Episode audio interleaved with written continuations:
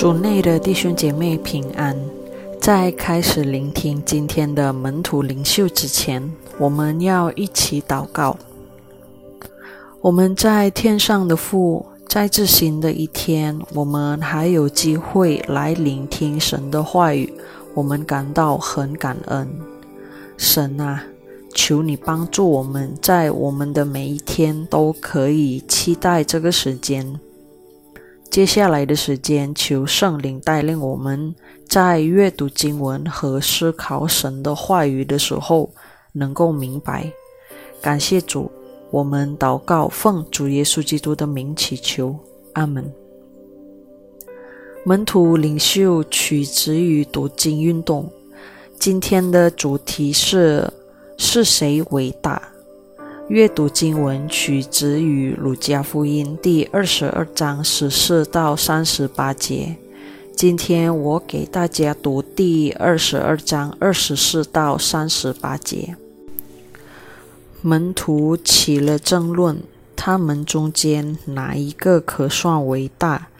耶稣说：“外邦人有君王为主治理他们。”那张全管他们的成为恩主，但你们不可这样。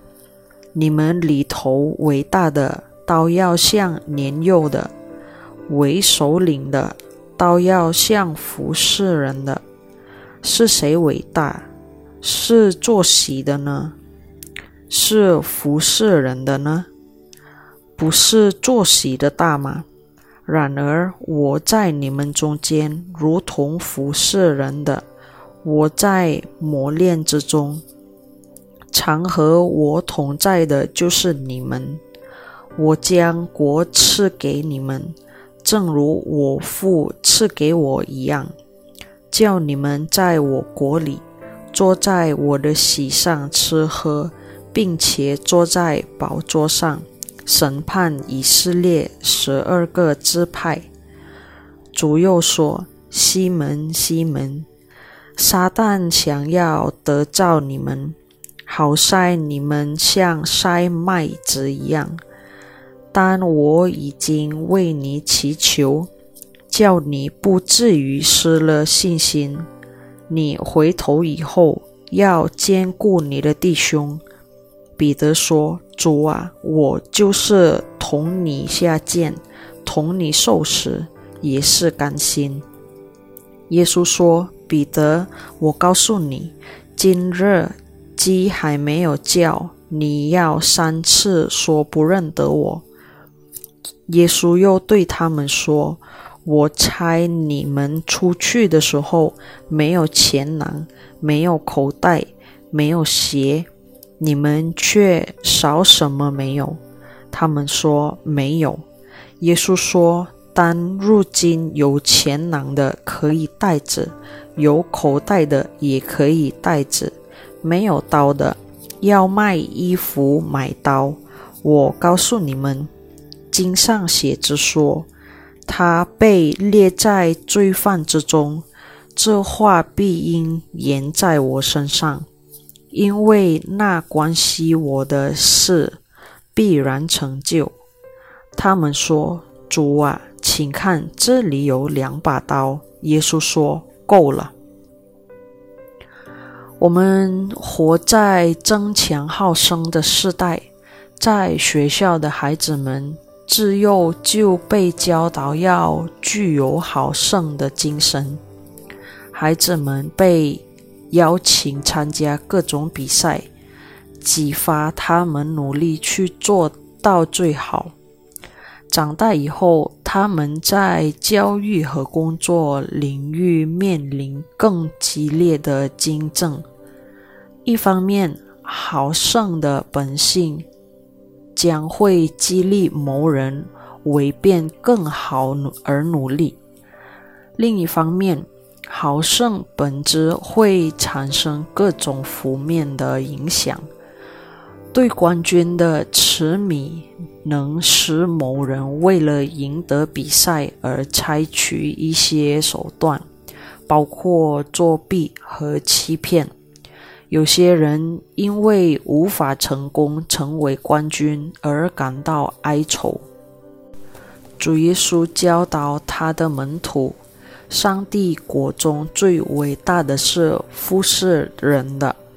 这种教导当然与这个争强好胜的世界中普遍应用的原则相矛盾。主耶稣的门徒为他们中最伟大的地位争吵，这种争取地位的斗争在这个世界上是很普遍的事。许多人想方设法获得第一位置或最高职位，因为每个人都想要被服务，而不想去服务。守位置被认为是被侍候的职位，因此这职位可供增强。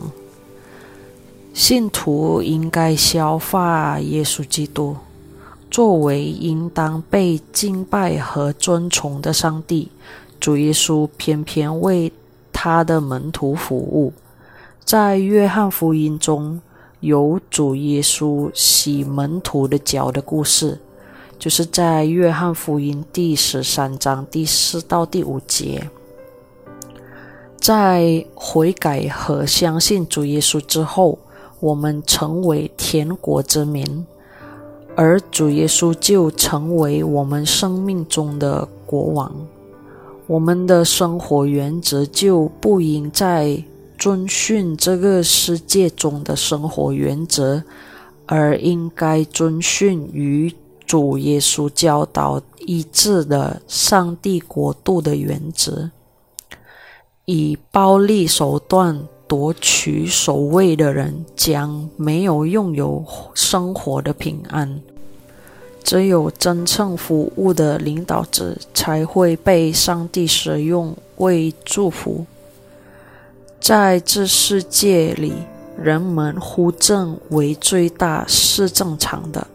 可是，信徒们应该在服侍互赛，以信心上帝的恩典，将使他们变得伟大。我们作为信徒是应该更加明白什么是服侍。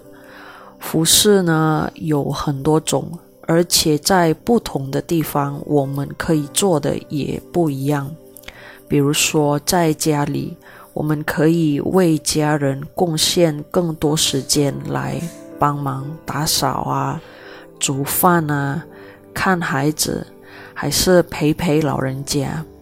那么在工作场所呢，呃，可以关心一下同事，对下级的员工呢，可以指导他们更多；对上级的也可以做更多的事情。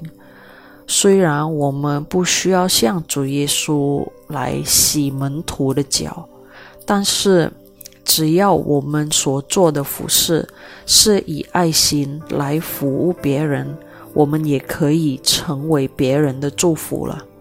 我们一起祷告：主耶稣，感谢你在服饰方面又成为我们的好榜样。感谢上帝已经来到这个世界来辐射人类。愿今天的内容能够提醒我们，已经在服侍的也可以更加用心；那么还没有开始服侍的，也可以被感动。求圣灵与我们说话，让我们对服侍的感觉能够更加敏感。感谢主，我们祷告，奉主耶稣基督的名祈求，阿门。祝大家周末愉快，上帝爱你。